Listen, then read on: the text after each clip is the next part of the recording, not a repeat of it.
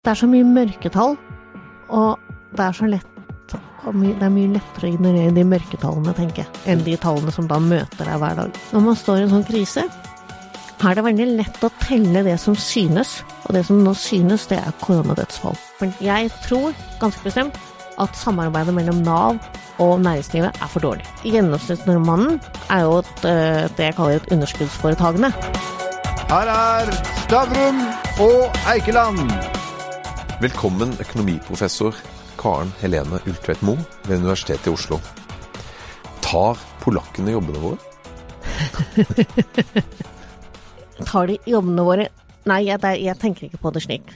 Og jeg syns at jeg skal begynne med å presisere at jeg er i utgangspunktet veldig Jeg mener at EØS-avtalen er essensiell for norsk økonomi. Jeg mener at arbeidsinnvandring som sådan er bra. Det er altså en del av det å være en del av Europa. Men du, eh, jeg har en venn, eh, han er riktignok økonom, men han pleier å si at eh, skal du diskutere fotball i norske medier, så må du ha doktorgraden i fotball. Men økonomi kan enhver idiot få lov til å si noe om. Men du er professor, professor økonomi, så la oss ta det veldig enkelt. Er det sånn at arbeidsinnvandring til et land gir det flere eller færre arbeidsplasser? Hvis du ser på Brochmann-utvalget, så viser det jo at arbeidsinnvandrere fra Øst-Europa Når, de, når den, første, når den polske snekkeren kommer alene, så er jo vedkommende veldig produktiv for Norge. Men så blir det jo familiegjenforening, og kona kommer og to barn. Og da utløser det behov for, eh, ja, for lærere, barnehagepleiere, mange flere ting. Eh, Så, Ja, så da- da vil jeg jo si at er det ikke sånn at arbeid avler arbeid? Jo, men, da, men, men, men, det kan jo som sådan da kan man jo da tenke på som positivt, da. Nettopp Ja, at det, det, skal, positivt, det er skaper ment ja, ja, men så vil jo noen andre mene jo, men med en del av de tingene du kommer med nå, de, med de eh, kommer det også mer kostnader. Ja. Og da skal du huske på det at gjennomsnittsnormannen er jo et, eh, det jeg kaller et underskuddsforetakende. Nettopp. Ikke sant? Og da får vi bare enda flere underskuddsforetakende. Så Sånn at det, at det kan vi være av oljefondet. Så det kan være ulønnsomt, men det, det er ikke sånn at det stjeler arbeidsplasser? Nei. Altså, jeg, men, men det er en sånn, det, det, den sjargongen mener jeg er veldig farlig. eh, Det med at det stjeler. Det jeg er opptatt av, er at vi har det vi kaller for et velfungerende arbeidsmarked. Det vil si at hvis du mister jobben, så greier du å få jobb et annet sted. Og det er mer enn... Så min tilnærming er, er mer som følger. Ok, importsmitte er et problem. Uh, og så står næringslivet og hyler og sier at ja, men vi må ha arbeidstakere, for det der, hvis ikke får vi ikke gjort jobbene. Og så samtidig så har vi masse arbeidsledige. Mm.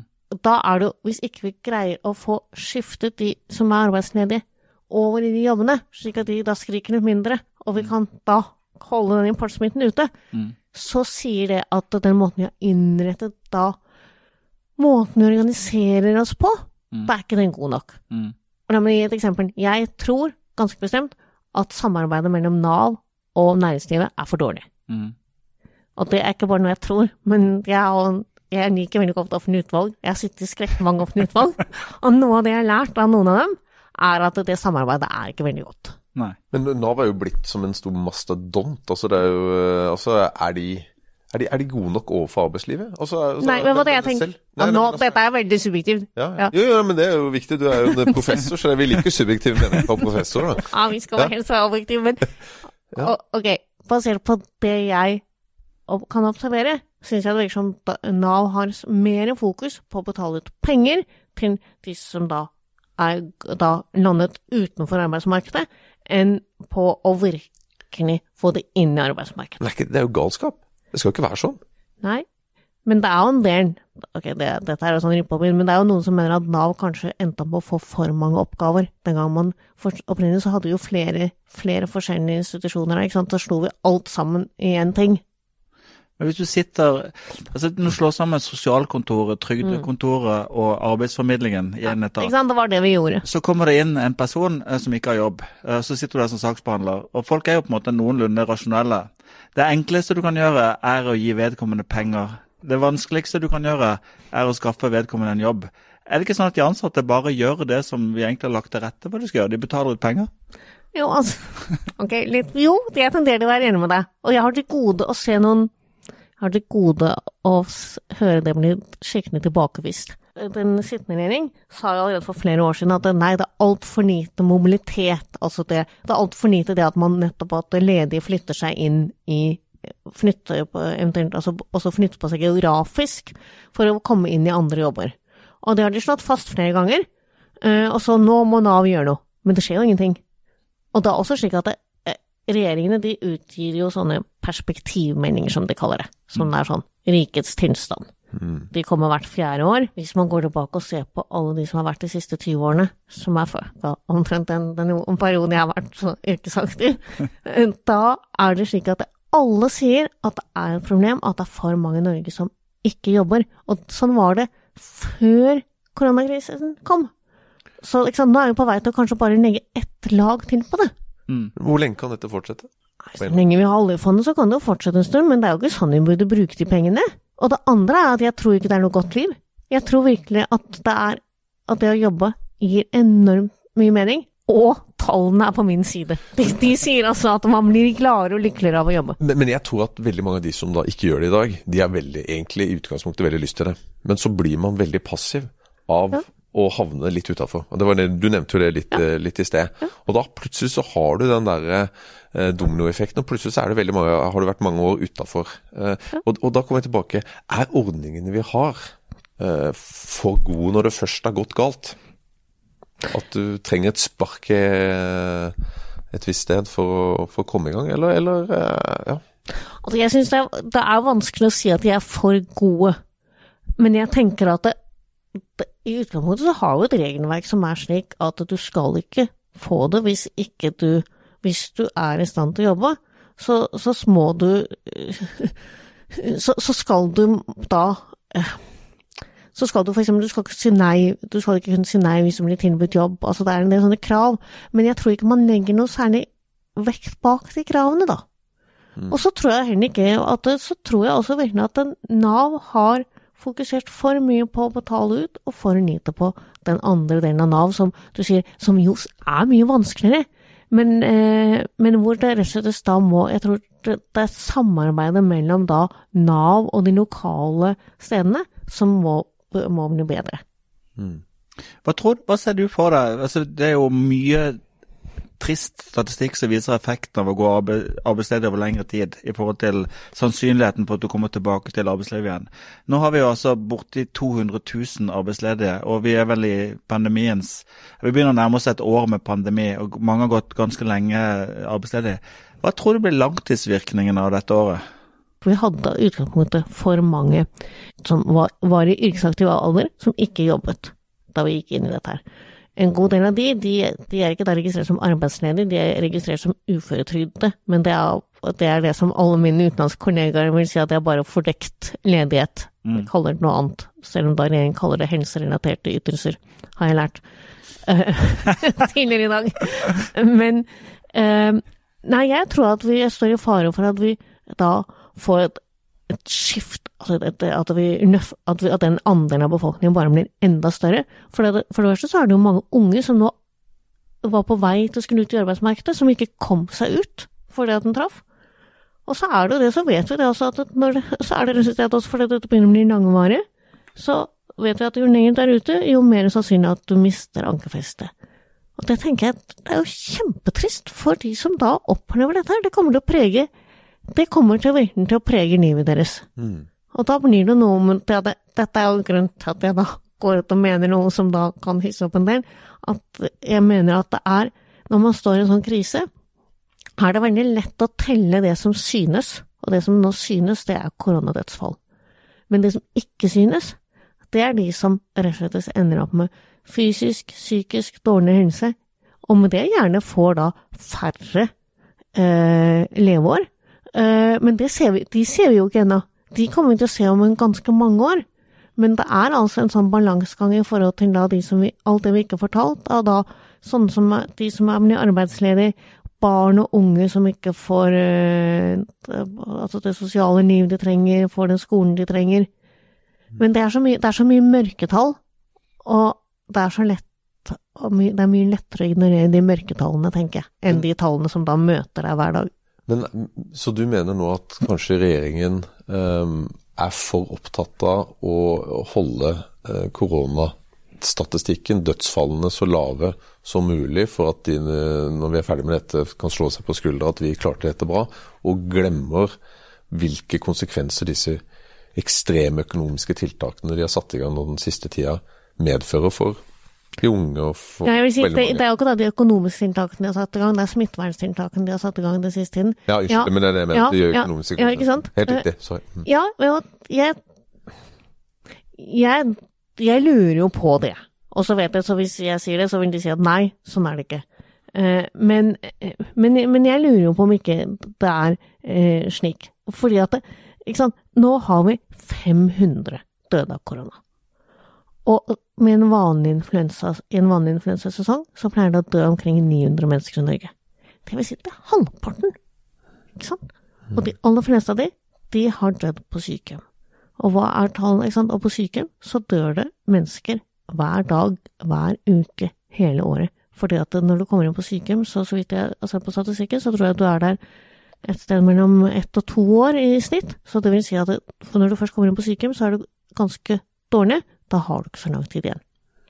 Ok, det er den ene delen. Den andre delen er at tallene for Norge har nå akkurat kommet ut når det gjelder dødsfallet i fjor. Vi hadde da brutalt underdødelighet. Altså lavere, eh, mindre død enn året før. Og da kan man jo lure på om kanskje har vi blitt for opptatt av nettopp å styre på det. Mm. Eh, og så er det en ting som jeg også ikke helt skjønner, da, i måten de har kommunisert på. For i fjor, da de da eh, brukte da slå ned-strategien, så kommuniserte de at de skulle slå ned. For problemet var ikke at dette er farlig for majoriteten av oss. Problemet er at det er farlig for da risikogruppene. Og det var det ene, men det viktige var at det, vi hadde ikke et helsevesen med stor nok beredskap for å ta, ta vare på alle de som ville bli smittet, dersom man da lot den blomstre. Slik at det har gått tilbake og sjekket, de sier man skal slå ned for å øke beredskapen i helsevesenet, og så åpne opp. Men da tenker jeg, men ha, ha, hva skjer i mellomtiden? Hvis de har gjort det de sa, så ville jeg jo trodd at de nå har økt beredskapen i helsevesenet, slik at de kan tåle mer, og i så fall så skulle det kunne gjøre at vi da kunne åpnet opp mer. Eh, Alternativt så har de ikke økt beredskapen i helsevesenet, og da lurer jeg virkelig på hvorfor ikke de har gjort det. For der den, sant? Hvis vi kan bruke noen milliarder i helsevesenet, og på den måten la folk få lov til å være på jobb, barn får lov til å gå på skole, så er det jo verdt det. Og så må jeg bare si, så gikk jeg nemlig inn i statsbudsjettet eh, og tittet på hvordan de hadde brukt penger eh, nå for ikke så lenge siden. Og da er det jo slik at, bare for å minne om det, ikke sant? i sånne kompenserende tiltak som det heter, så for å kompensere de som er ned, ja, ikke har jobb, kompensere bedriftene som går dårlig osv., så, videre, så brukte, så var vi da i høst der at man hadde brukt rundt 130 milliarder. Ok, det er masse penger. Ja, absolutt. Ok, hvor mye mer hadde hvor, øh, Det var da bevilget. På det tidspunktet så øh, sa de at de da hadde brukt, hadde øh, gitt tilsagn om, til sammenligning, 11 milliarder ekstra til helsevesenet. Og det skulle gi en økning, kunne da øke aktiviteten på sykehuset med 2,3% Og så tenker jeg, det ser jeg veldig lite, det. Og så tenker jeg, altså i hvert fall for min del, jeg ville mye heller at de brukte ganske mange flere av de milliardene da på å øke testkapasitet, sykehus, respiratorer, kompetanseoppbygging hos sykepleiere, slik at de også kan hjelpe til på intensivavdelingene. Hvis det gjorde at vi kunne få lov til å leve litt mer vanlig. Mm. Ja. Men, Ok. Nei, nei, det Men din, Man kan ikke eh, arrestere deg på det. altså, det er to, egentlig to utredninger fra, din kollega Steinar Holden jeg tenkte å ta fatt i. Men vi kan begynne med vaksinering. For dette, den, den, den tradisjonelle måten vi prioriterer helsevesenet på i Norge, sant? er jo Vi ser på hvor får vi mest nytte av det vi legger igjen. Sant? Og det, det handler på en måte om antall sparte leveår, og det handler også om, om på en måte økonomiske konsekvenser av det vi gjør. Så plutselig eh, så ble det lagd en helt ny prioritering av eh, syv etikere som satt i seks møter og tenkte tungt etisk, og kom til at et liv er like mye verd om det er 93 år og er i ferd med å dø, uansett eh, på, på sykehjemmet, eller en person som er i risikogruppen, og som faktisk eh, eh risikerer å dø, og kanskje har 30 gode leveår igjen. Eh, og nå spør jeg økonomen. Hvordan ville du ha prioritert? Ja, nei, tror, her er det veldig fint, for her kan jo jeg da lene meg også på Steinar. Og Steinar er da nok litt mindre av en sånn løs kanon på dekk enn det jeg er, tenker jeg. Så det, så det Men nå kan det, du si det han egentlig mener. Da. ja, ikke sant? Nei, men jeg tror at det, her er jeg veldig enig med Steinar. Men det er ikke bare det at jeg er enig med Steinar, eh, men jeg er også enig med, eh, med mange av de medisinerne som har kommet ut og uttalt seg. For det interessante er jo at det, innenfor helsevesenet så har man jo utgangspunktet en sånn måte, som du jo sier, å regne på. Man, det, altså det, det, man pleier å legge til grunn når man skal da tenke hvor skal vi bruke hvem, hvem skal komme først i køen, og hvordan skal vi bruke pengene i helsevesenet, er at de ser på det man kaller for da gjenværende leveår. Ikke sant? Så det vil si, hvis du, litt brutalt, hvis du da setter da en tiåring og nittiåring ved siden av hverandre, og du må prioritere den ene eh, i forhold til å, å, bruke ressurser, så vil du ta tiåringen, fordi at den eh, tiåringen har flere, flere, år igjen. Eh, på samme måte, og så vil du i tillegg da ikke bare legge vekt på hvor mange år de da har igjen i forhold til hva man skal forvente, men du vil også se på Du vil også prøve å ta høyde for eh, hvor kvaliteten i de årene som er igjen, da. Så hvis du da tar en 90-åring som er på sykehjem, som er ganske syk, og sammenligner med en 90-åring som er hjemme og ganske frisk, og du så lurer på hvem er det som skal få vaksine først, så vil du da normalt, basert på den samme metodikken, gi til da den 90-åringen som er hjemme, fordi at den personen da Da sparer man rett og slett da flest sånne kvalitetsjusterte nivåer, som man kaller det. Så ut ifra da både hva som er vanlig sånn praksis innenfor offentlig helse, og hvordan en økonom ville tenkt, ja, så tror jeg nok at vi ville innrettet den eh, vaksineringen eh, annerledes. Og jeg syns egentlig det er innmari merkelig at de har lagt seg på det som de nå har lagt seg på. Så, så du mener at uh, Oslo skulle, hvor det er litt mye smitte akkurat nå, altså Oslo og omegn, der burde man ha uh, tatt inn litt mer vaksine. Man burde ha vaksinert kanskje litt yngre folk før de eldre. altså Tatt egentlig de til, til, slutten, da? Er det det du tenker? da? Ja, det tenker jeg. Ok, Oslo er en egen sånn greie, for da, da sier du at det, det, som er avgjørende for hvor mange hvor lang tid du har igjen, det er ikke bare din egen helsetilstand eh, og alder, men det er også hvor du bor, for det handler om risikoen. Men Altså, jeg kjøper Raymond Johansens argument, for jeg mener at det er Rett og slett så er det jo slik at eh, du da du, det, er en, det er en økt risiko, som jeg syns også det er litt rart at ikke man da skal ta hensyn til. Men det er, en litt annen, det en litt annen greie, for det påvirker ikke denne måten du teller på, da. Det er et annet poeng igjen. Og så, ja, men Steinar har vel vært opptatt av begge delene. Men du får vel åpne opp samfunnet litt raskere, da? Altså, for akkurat som Oslo nå, har det jo Restauranter vært stengt siden 10.11., altså alkoholservering. Eh, nå ja. har jo butikkene vært stengt eh, eh allerede nå, eh, altså fra, fra nyttår av. Altså, du har jo Altså, hvis du får mer vaksine hit, så vil du jo få åpna det og fått flere i jobb, og du får i gang samfunnet igjen. Da. Er ikke, ja, det, hvis, er ikke det litt av det samme?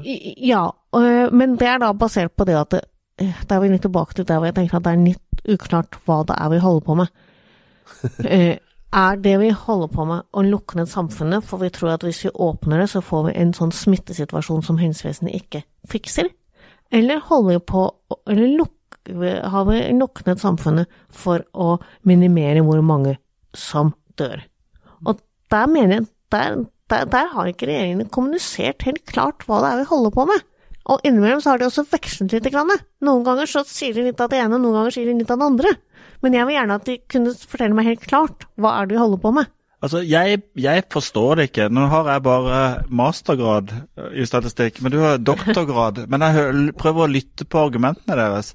Og jeg skjønner ikke hvorfor ikke Raymond Hansens argument er riktig. Hvis det er sånn ja, Hvis det til og med er sånn at du skal redusere dødsfall, så må du jo gange sannsynligheten for å bli syk med sannsynligheten for at du dør. Og så bør du vaksinere først. I så fall de som har størst sannsynlighet for å bli syk og dø. Ja, ja og så, det, men, men det er kanskje nettopp Jeg, jeg er helt med. Så hvis, da, og det, så hvis det er det at vi nå skal prøve å minimere dødsfall, så er det nemlig så er det helt logisk å tenke sånn som Raymond Hansen eh, da foreslår. Eh, men det er kanskje det, men, men hvis vi, det vi er opptatt av, er å redusere smitte, og ikke bryr oss om hvor mange som dør, ja. så kan du, kan du argumentere Og, og da, der kommer det igjen at en, vi vet jo ennå ikke om, effekt, om dette her har noen effekt på smitte. Nei. At det er mulig at, det at du blir smittet, men at du bare ikke blir syk. Det sier de, det har du ikke noe tall på ennå. Og i så fall så står ikke Raymond Jon Johansen sitt argument. Men jeg, jeg skjønner ikke engang det motargumentet. For la oss si at vi ikke er sikre på at det reduserer smitte. da. Så Det vi i hvert fall ikke tror, det er at hvis du øker vaksineringen, så vil det øke smitten i det området. Så i beste fall er det mangel på gevinst. Det er i hvert fall ikke noen nedside. Nei, altså jeg tror du må nok lete etter noen andre for å være veldig uenig med deg på dette her. For at jeg syns egentlig at det høres ganske fornuftig ut. Altså, Jeg er verken professor eller eh, mastergrad eller noe sånt i statistikk, men jeg syns også dette høres veldig fornuftig ut. altså. Men eh, når vi går litt sånn til å se på Hvem er taperen? Når, korona, når vi ser på korona om to år, tilbake på koronaen om to år, hvem er det som er taperen her i samfunnet? Ja, det har, nå har jeg kanskje sagt noen ganger, men jeg mener at det er barn og det er unge som går på skolene, altså barneskolene, videregående, øh, og også de som går på universitet, og så de som har, de som har, de som mistet jobben. Og så er jeg veldig opptatt av barn og unge, for nå har vi fått med oss da hvordan da norsk industri jobber. Surprise, surprise, de driver og de sender SMS-er og bråker. Knut Sunde har alltid vært ganske effektiv i sin kommunikasjon. Men ikke sant, Barneombudet hun har virkelig gjort en hentemodig innsats, men ikke sant, nå, det, det, det ser jo ikke ut som det hjelper like mye. De har ikke den samme røsten. Og nå det siste, øh, og øh, det siste som nå kommer, der følger de jo heller jo ikke da anbefalingene fra eh, verken FHI eller Helsedirektoratet, gjennom at de legger til rette for at det kan være mer da digital eh, hjemmeskole enn det som da smitteverntiltakene skulle tilsi. Så det gjør at jeg, jeg må jeg tenker spesielt at det er synd på dem. Altså, jeg syns synd på oss andre også. men det, jo, jo, men, altså, men, det er, men det er alt er relativt, og det er noen det er virkelig Ja. Men, men, ja men jeg korrigerer min datter også, som også sier at det, Ja. Jo, men, men jeg er enig i det. Men, men, men jeg tenker litt sånn eh, Mange av de yrkene nå som sliter, altså hvor det stenges ned og sånt, og det er ofte lavtlønnsyrker. ja. Eh, Det, og det ser vi allerede, ikke sant. Det er jo de lavtlønte. Det er de lavtlønte med, med la, dårligst utdannelse osv. Det er jo de, de, aller, de allerede mest svake, de som ikke har hjemmekontor på eh, med Teams og Zoom og sånn, det er jo de som rammes mest her. Og det er også det at den krisen har den bredsiden at de kan hive på så mye de vil med kompenserende tiltak til det ene og det andre, men det kompenserer jo aldri fullt ut for det man nå ikke får. men får vi ikke noe veldig Og jeg tenker at det er en sånn der farse at vi skal bare Hvis man bare Ja, jeg tror dere sa det vel ikke sant til å begynne med at hvis vi bare hiver på nok kompenserende tiltak, så er det greit. Nei, det er ikke greit. Men, men får vi ikke ulikhet? Altså, vi, vi sleit jo med ulikheter før, i hvert fall ifølge Piketty og, og sånt nå. Eh, blir ikke ulikhetene større nå, altså i Jo. samfunnet? Jo, jo, det tror jeg helt Det er åpenbart da når vi er ferdig med dette, så vil vi ha større ulikhet. Men klarer vi å reversere dette på et vis? Fins det noen måte å gjøre det på uten å, Det, å det vet at det er. Ja? Det vet vi at det er en meget langdryg prosess. Du kan skattlegge havbruksnæringen. Det er veldig Ja, det hadde vært en kjempegod idé. La oss begynne der. Det hadde virkelig vært et, det, hadde, det, det måtte i så fall være det beste som kom ut av hele koronakrisen, hvis vi da hadde fått en grunnrenteskatt på slutten. Men du, eh, til, til din hverdag. altså Du sitter vel i niende eller tiende etasje? Ellevte. Ellevte. Det er såpass høyt i, i Sunt-bygget på universitetet. Det, du har vel ikke sett en, en student i levende livet på aldri så lang tid? Hvordan er det å være universitetslærer i disse dager? Det er superkjipt. Det er jo ikke noe morsomt å ikke se dem. Eh, og så er jeg veldig bekymret for dem, eh, fordi at vi ser at mange av de strever. Og så kan, så kan de gjerne, så kan regjeringen gjerne stå der og si at nå må vi ta ansvar og passe på dem og sånt, men, men den måten vi normalt tar ansvaret på, er jo at vi, at vi er til stede fysisk. Altså, jeg kan jo ikke ringe opp studentene mine Altså nå, Det jeg jobber med nå, er å få dem til å skru på skjermen. Eh, og det, for det er det mange av de som ikke liker så godt. Eh, men jeg har fortalt dem at hvis de vil at jeg skal ikke bli ekstremt kjedelig, så må de skru på den skjermen. For når jeg ser bare x svarte skjermer nedover, så greier jeg ikke å bli inspirert. Og hvis ikke jeg blir inspirert, så blir jeg veldig kjedelig å høre på. Det sliter jeg med å tro på. Du er, du er kjent så veldig kjedelig å tro på. Men Ja. eh, Nei, men, men, nei, så, og jeg er urolig jeg ser det på masterstudentene våre, jeg ser det på, på doktorgradsstudentene, jeg ser det på alle studentene våre. De sliter, øh, og de, de øh, ja, og, og det har også Jeg syns ekte synd på dem. Studentlivet er jo noe av det morsomste som er. Og det er jo ikke morsomt bare fordi de møter sånn som oss. Det er jo morsomt for all grunn av alt det rundt. ikke sant? Det var den morsomste perioden i mitt liv, sikkert, å være student. Og de mister jo alt det som er det gøye. Det har jo bare tatt fra dem og sagt at det Sorry. Men disse er jo heldige, de kommer jo med en utdannelse. Tenk på de da som ikke har denne utdannelsen, og så skal begynne å jobbe. Men samtidig så tror jeg også at det, det blir Det blir alt fra Det blir det samme. De får ikke det samme ut av det. Det, det tilbudet vi gir, som de hadde fått der, som de hadde fått det fysisk, tenker jeg. Det blir jo ikke det samme du, ja, det ikke sant? Det, Kunnskap handler jo også om å, dialog og diskusjoner og Ja, det, det, det rent Vi greier ikke gjenskape det på Zoom, dessverre. Jeg mener eh, å ha hørt at når du var gravid, så var det sånn at heisen ikke gikk på Ullern, eh, måtte, nei, på Blindern, og så måtte du gå opp til 11. etasje. Men da må du passere 8. etasje, hvor, det, hvor statsvitenskap holder, og da var kollegene dine redde for at du skulle føde en statsviter. Meg Nei, det var ikke det de var redd for. Det var enda, noe enda verre. Nei, de var, de, de, de var redd for at jeg skulle da Fordi at det, det var jo veldig nær da etter hvert, og niende måned. Eh, Ettersom jeg da jobbet frem til jeg da fødte den. De var veldig redde for at jeg da skulle, at fødselen skulle begynne. For det ble trigget av det at jeg gikk i trapper. Og så så de for seg at statsfidere var sikkert mye dårligere til å ta imot barn enn det økonomer var. Økonomer er jo generelt sett best i alt. Oi, oi, oi, sånn det. Men dine, dine universitetskollegaer da, i åttende etasje vil jo kanskje peke på dynamikken i politikken nå. Eh, og det jeg mener å se, det er at, det er at Erna Solberg eh, tjener på å være så hard som mulig når det gjelder tiltak, for jeg tror veldig mange velgere er redd for korona og redd for dødsfall, og på en måte bifaller masse nedstenginger. Samtidig som opposisjonen er for belønning for å bare kaste enda mer penger på. Er ikke den miksen ganske farlig sett fra 11. etasje? Jo, det, er- det, det er jeg, jeg, tror det er en interessant analyse. Um, og jeg, jo, det er definitivt farlig. For det, det Ja, det gir seg det, jeg, jeg, jeg, Og jeg tror at det den nett gjør, er at vi ender opp med å bruke pengene gjerne også på, på de gale stedene, da.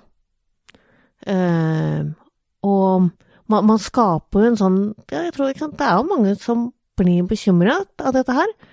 Og, så, og da skal jeg tenke på noe som også jeg tenker at er litt sånn skummelt her. Det er jo en veldig stor andel av Norges befolkning som jobber i offentlig sektor. De står ikke i fare for å miste jobben. De har en trygg jobb å gå til. Eh, og da er det også lettere å da være mest opptatt av at vi må slå ned, når dette er noe som ikke berører arbeidsplassen, og om du har en arbeidsplass å gå til i morgen. Så jeg tror det også er en del av dynamikken. Så den nasjonale dugnaden, det er bare tull, det.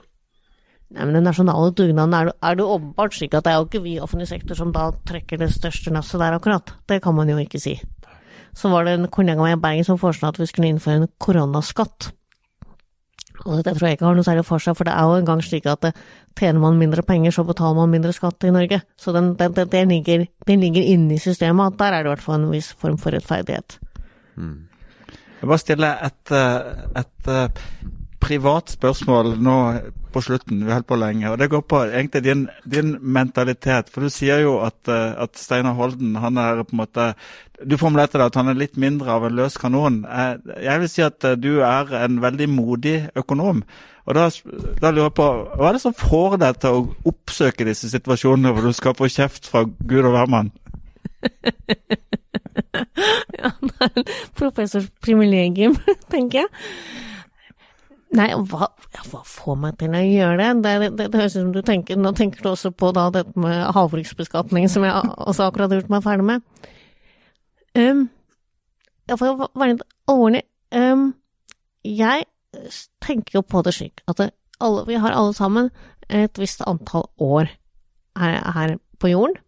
Uh, og så er det veldig, syns jeg det er en Jeg syns det er oppløftende å tenke på at når man da i løpet av de årene, hvis man da kan bidra til at samfunnet blir bedre, så er det bra. Og så er det jo slik at som økonom så er det kanskje litt begrenset Jeg tenker hvis du er lege eller sykepleier, så gjør du jo noe sånn som er nett, nett å forholde seg til, noe som er bra for samfunnet på daglig basis. Uh, men det er jo ikke jeg. Men en økonom kan jo bidra med å da gi råd om ting som vi tror at kan gjøre samfunnet bedre. Og det er jo det jeg gjør. Og så syns jeg så er jeg, jeg er ganske samfunnsengasjert. Jeg vil gjerne ha et best mulig samfunn. Og så tror jeg veldig intenst at vi får et bedre samfunn dersom vi hører på faglige råd. Så tenker jeg at når folk da først faktisk vil høre på oss, og vi tror at vi har noe å bidra med, ja, da syns jeg det er veldig morsomt å bidra.